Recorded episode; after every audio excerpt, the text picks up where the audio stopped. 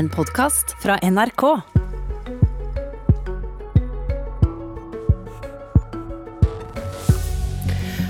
Arbeiderpartiets problem har et navn, skrev Bergens redaktør.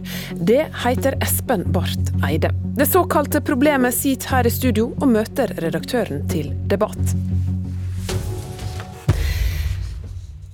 Men vi skal starte med det som kan være et gryende klimaopprør i Senterpartiet. I Nyhetsmorgen har vi hørt om uro for klimaprofilen til partiet. Det er Kjersti Toppe og deg, Per Olaf Lundteiken, som er avsendere på det. God morgen. God dag, dag. Profiler slår alarm, er overskrifta vår på nrk.no. Hva er det det slår alarm om? Vi er utålmodige. Vi er utålmodige for å få fram de positive økonomiske tiltakene for produksjon og bruk av ny teknologi i foredling av de fornybare naturressursene.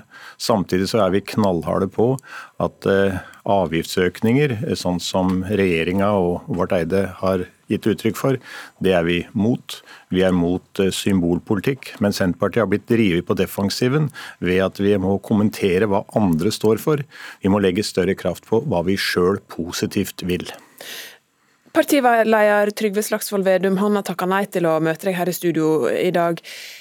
Men tyder ikke alt på at han har lykkes veldig godt i å profilere Senterpartiet også som klimaparti i møte med velgerne? Han Trygve gjør en fantastisk jobb. og han tar... Eh, Så klimaprofilen han står for, den er egentlig god? Det som er kjernen i klimaprofilen til en Trygve, det er at han går imot de her eh, hasardiøse avgiftsøkningene på bensin f.eks. Altså, Vi skal representere folk over hele landet. I Numedal, som er mitt valgdistrikt, der nedlegger du industribedriftene. Folk må pendle til Kongsberg. De er nødt til å bruke de bilene de har. Og da skal vi ikke ha noe moralisering om at de gjør noe feil. De gjør det som er nødvendig i den situasjonen de er i. Vi prøver å forstå hva som er skilnaden her og motivasjonen for dette såkalte opprøret. Altså Det lanserer flere krav inn mot landsmøtet eh, og arbeider med nytt program. De kaller det en tredje vei. Flertallet i programkomiteen vil jo vekk fra forurenser-betaler-prinsippet. Eh, Sjølsagt så skal vi ha forurenser betaler-prinsippet. Ja, Det ser ikke ut som det blir det med Senterpartiet framover? Jo, jo, jo, jo, jo, det kan du være helt trygg på. Men samtidig så må vi være klar over at CO2 det er jo ikke noen gift. CO2 det er jo hele forutsetningen for livet på jorda. Men problemet er jo når det blir for mye CO2 i lufta. Og CO2 som er for mye, det kommer ifra forbrenning av det svarte karbonet. Det kommer forbrenning av olje, kull og gass. Det er jo det som vi skal ha ned. Og da må menneskene leve av mer av det grønne karbonet, altså det jeg kaller for torsken, timoteien og tømmeret. Og da må vi gjøre det lønnsomt å bruke. Folk må få alternativer. Altså I bilpolitikken så har det jo vært vellykka, for det har gjort det lønnsomt for folk å kjøpe elbiler. Tilsvarende må vi gjøre på alle områder. Apropos bil, partileder Vedum stilte jo opp med dieselbilen sin i Oslo sentrum for å si at han er mot fossilbilforbudet i hovedstaden, selv om Oslo-partiet, Senterpartiet, stemte for. Um, er det symbolpolitikk? Ja, det er symbolpolitikk. Altså Det Vedum gjorde? Nei, det som Vedum protesterte på. Han protesterte på en symbolpolitikk. Altså Det har jo ingen effekt å gå inn for sånne soner rundt eh, rådhusene i de, de store byene. Det som har effekt, det er at det skal lønne seg for folk å gå over til en eh, drivstoffkilde som er annerledes på bilene. Og da må vi jo ha det over hele landet. Må slutte å drive og plage folk som kjører dieselbil fordi at de er blitt stimulert til å kjøpe det i sin tid, og som trenger det i sitt daglige arbeid. Det der skal vi ikke ha noe av. Kjersti Toppe og jeg står fjellstøtt på det. Men det vi ber om, det er at nå må vi få fram de positive tiltakene. Vi skal f.eks. ha fiber fram til samtlige husstander i Norge. Ok, Men du har jo sagt at 50 øre opp eller ned på bensinavgifta, det betyr veldig lite på bruken av fossilt brensel? Det er helt korrekt. Det er helt korrekt, det ser vi, det som har stor betydning. Så du er ikke like bekymra for den avgiftsauken om den skulle bli 50% på, på Jeg ser ikke noe grunn til at vi skal fortsette med avgiftsøkning på diesel og bensin. Det som har stor betydning, det er avgiftslettelser på biodiesel og biobensin inn i de motorene, og det er stimulering da av ladestasjoner på elsida. Du har også sagt til NRK i dag at du er helt enig med partikollega Kjersti Toppes analyse. Hun har også tidligere sagt at Senterpartiet risikerer å bli et Frp light. Det tror jeg er eh, tatt ut av sin, sin, sammenheng. Senterpartiet ønsker å være blant folk, av folk og for folk. Vi ønsker å ta opp i oss den livssituasjonen som vanlige mennesker kjører. Altså, Hvorfor er det eh, så stor kø på bensinstasjonene når det er billig eh, bensin eller diesel? Jo, fordi at det er viktig for folk. Bensin- og dieselprisene er viktige for folk. Vi ønsker ikke å legge på mer usosiale avgifter. Vi ønsker å få fram de positive alternativene. Nå har vi positive alternativer på elbiler. Hvorfor kan vi ikke kjøre det videre inn på andre områder? Ikke minst på industripolitikken. I dag så er det mye fokus på kunstgjødsel f.eks. Kunstgjødsel blir i dag nitrogen der blir henta fra olje og gass. Vi kan hente det fra lufta gjennom elektrisk kraft. Okay, så hvis vi skal oppsummere Lundteigen, det går mot slutten her nå. Hva er problemet med klimaprofilen til Senterpartiet i dag? Det er at vi har brukt for mye tid på å protestere på hva de andre har kommet med, istedenfor å bruke full kraft på hva som er vårt positive alternativ. Og da går det på økonomisk stimulans av produksjon og nye teknologiske løsninger i foredling av det fornybare naturressursen. Og du og Kjersti Toppe og flere vil kjempe for litt endringer i partiprogrammet på landsmøtet? Det skal du være sikker på at vi kommer til, og jeg er rimelig sikker på at vi vinner fram der sånn, for Senterpartiet har hele sin basis i fotosyntesen, i de grønne næringene, i de fornybare næringene. Vi er så grønt som bjørkelauget om våren i fjellet. Der skal vi stå. Takk for at du kom i studio, Per Olof Lundteigen. Abonner på Politisk kvarter som podkast, og få sendingen rett til din mobil. Ja, Er det Senterpartiet sin klimapolitikk som er et problem for Arbeiderpartiet, eller har det problemet et annet navn? Ifølge BA-redaktør Sigvald Sveinbjørnson så er problemet Espen Barth Eide. Og Da jeg spurte Barth Eide i går om han ville møte Sveinbjørnson til debatt, så svarte han veldig gjerne for en fantastisk idé. det. Eide er på plass her i studio. Vi skal først til Bergen og den nevnte redaktøren. Eh, Svein Bjørnson, det du skriver om Barth Eide er at han gjør, eh, det han gjør politisk vitner om fullstendig fravær av kunnskap og interesse om norske forhold. Og så skriver du at han har jobba for Verdens økonomiske forum og vært i Davos. Hvorfor er dette relevant for å forstå jobben han gjør for Arbeiderpartiet i dag? Um, jeg tror vi må se litt på utgangspunktet her. Klimapolitikken er altså den viktigste saken eh, som våre politikere sysselsetter seg med. Eh, og det er for Arbeiderpartiet den klart viktigste saken, både inn i valgkampen eh, og i utformingen av politikk som kommer. Og parti, Arbeiderpartiet er et veldig breit parti. Det eneste partiet som kan, eh, som kan, kan si, binde sammen veldig store koalisjoner av befolkningen, fra industrien til, eh, til storbyene, til landsbygda osv. Eh, og da er det tror jeg veldig viktig at eh, man også klarer å kommunisere ut eh, politikken på en, på en, eh, på en god måte.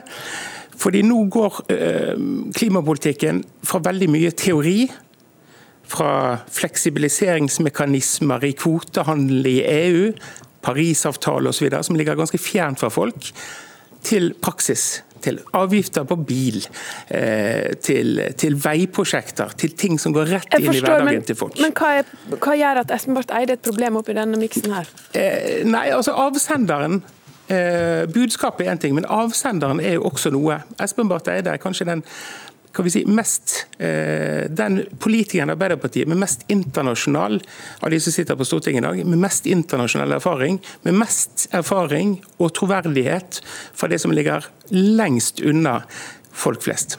Ok, men hva vil du egentlig oppnå med å skrive om personen Espen Barth Eide, og overskrifta at Arbeiderpartiets problem har et navn, også hans navn? Ja, altså For det første så er jo dette eh, så er jo hans navn, og det er jo ikke han som person. altså eh, Det er jo han som politisk person som er, som er viktig i denne saken. her. Eh, og, og, det, og det, å skille liksom den politiske Espen Barth Eide, hele hans politiske virke gjennom veldig mange år i Norge, til, til personen, det er selvfølgelig umulig. Så det kommer ikke unna det. Ja, men Svar litt på hvorfor definerer du Espen Barth Eide som et problem? Nei, for jeg tror, jeg, jeg tror han, og, og, det er også det jeg sett, når jeg har sett på de utspillene som han har kommet med den siste, den siste tiden, og hvilke reaksjoner de har fått, så er den bakgrunnen som han har, den har en resonans som, som slår ganske uheldig ut. da. Ok. Espen Barth Eide, hva tar du til deg fra den analysen? Det var faktisk en ganske lang kommentar.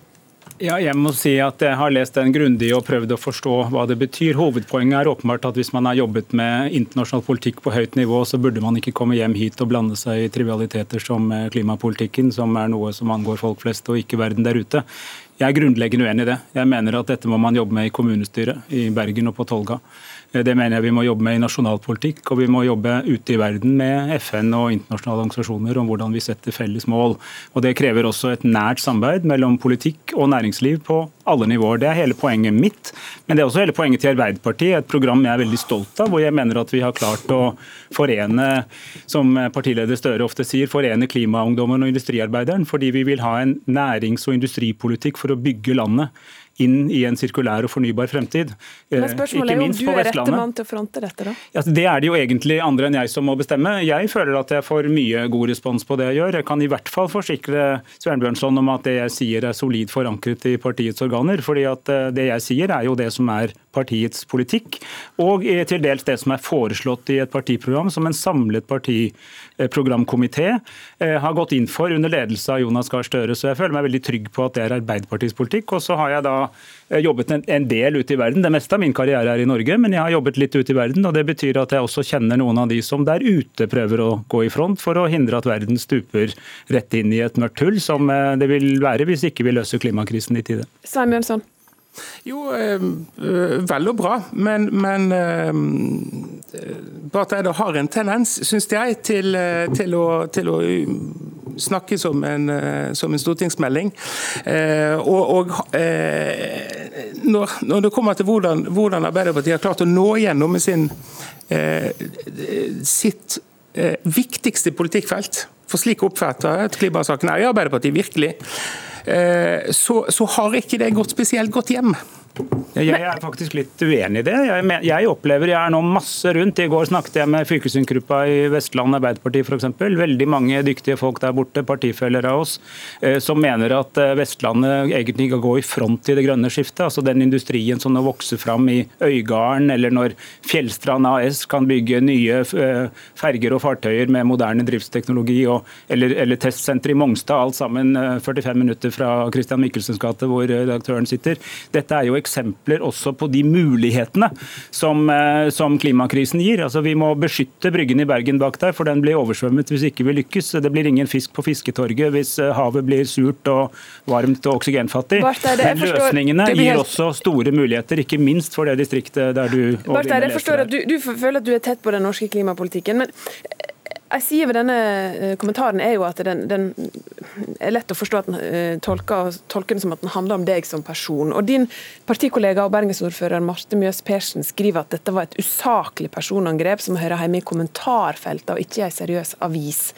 Hva tenker du om det? Jeg syns det eh, bergensordfører Marte Mjøs Persen sa var eh, klokt, og, jeg, og, hun har et poeng. fordi Jeg har sett en del i, i, i kommentarfeltenes mørkeste sider og på ytre høyre-blogger at det bygges en idé om at klimapolitikken er noe en slags merkelig allianse mellom storkapitalen og Greta Thunberg og FN og klimaforskerne er funnet på for å og, plage folk. og jeg synes ikke, ja, og De møtes i Davos og de møtes i FN og sånn.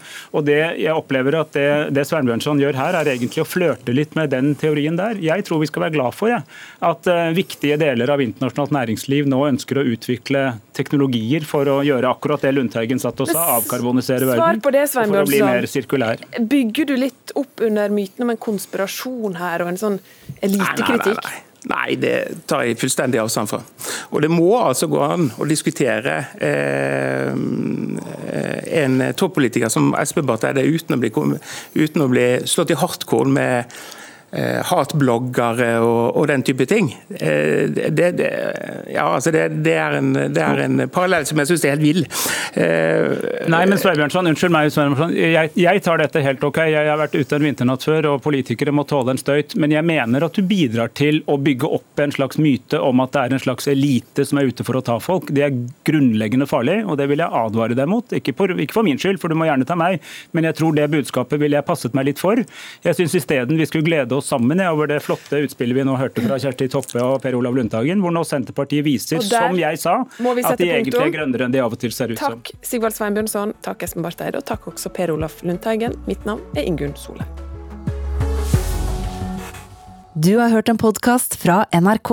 Hør flere podkaster og din NRK-kanal i appen NRK Radio.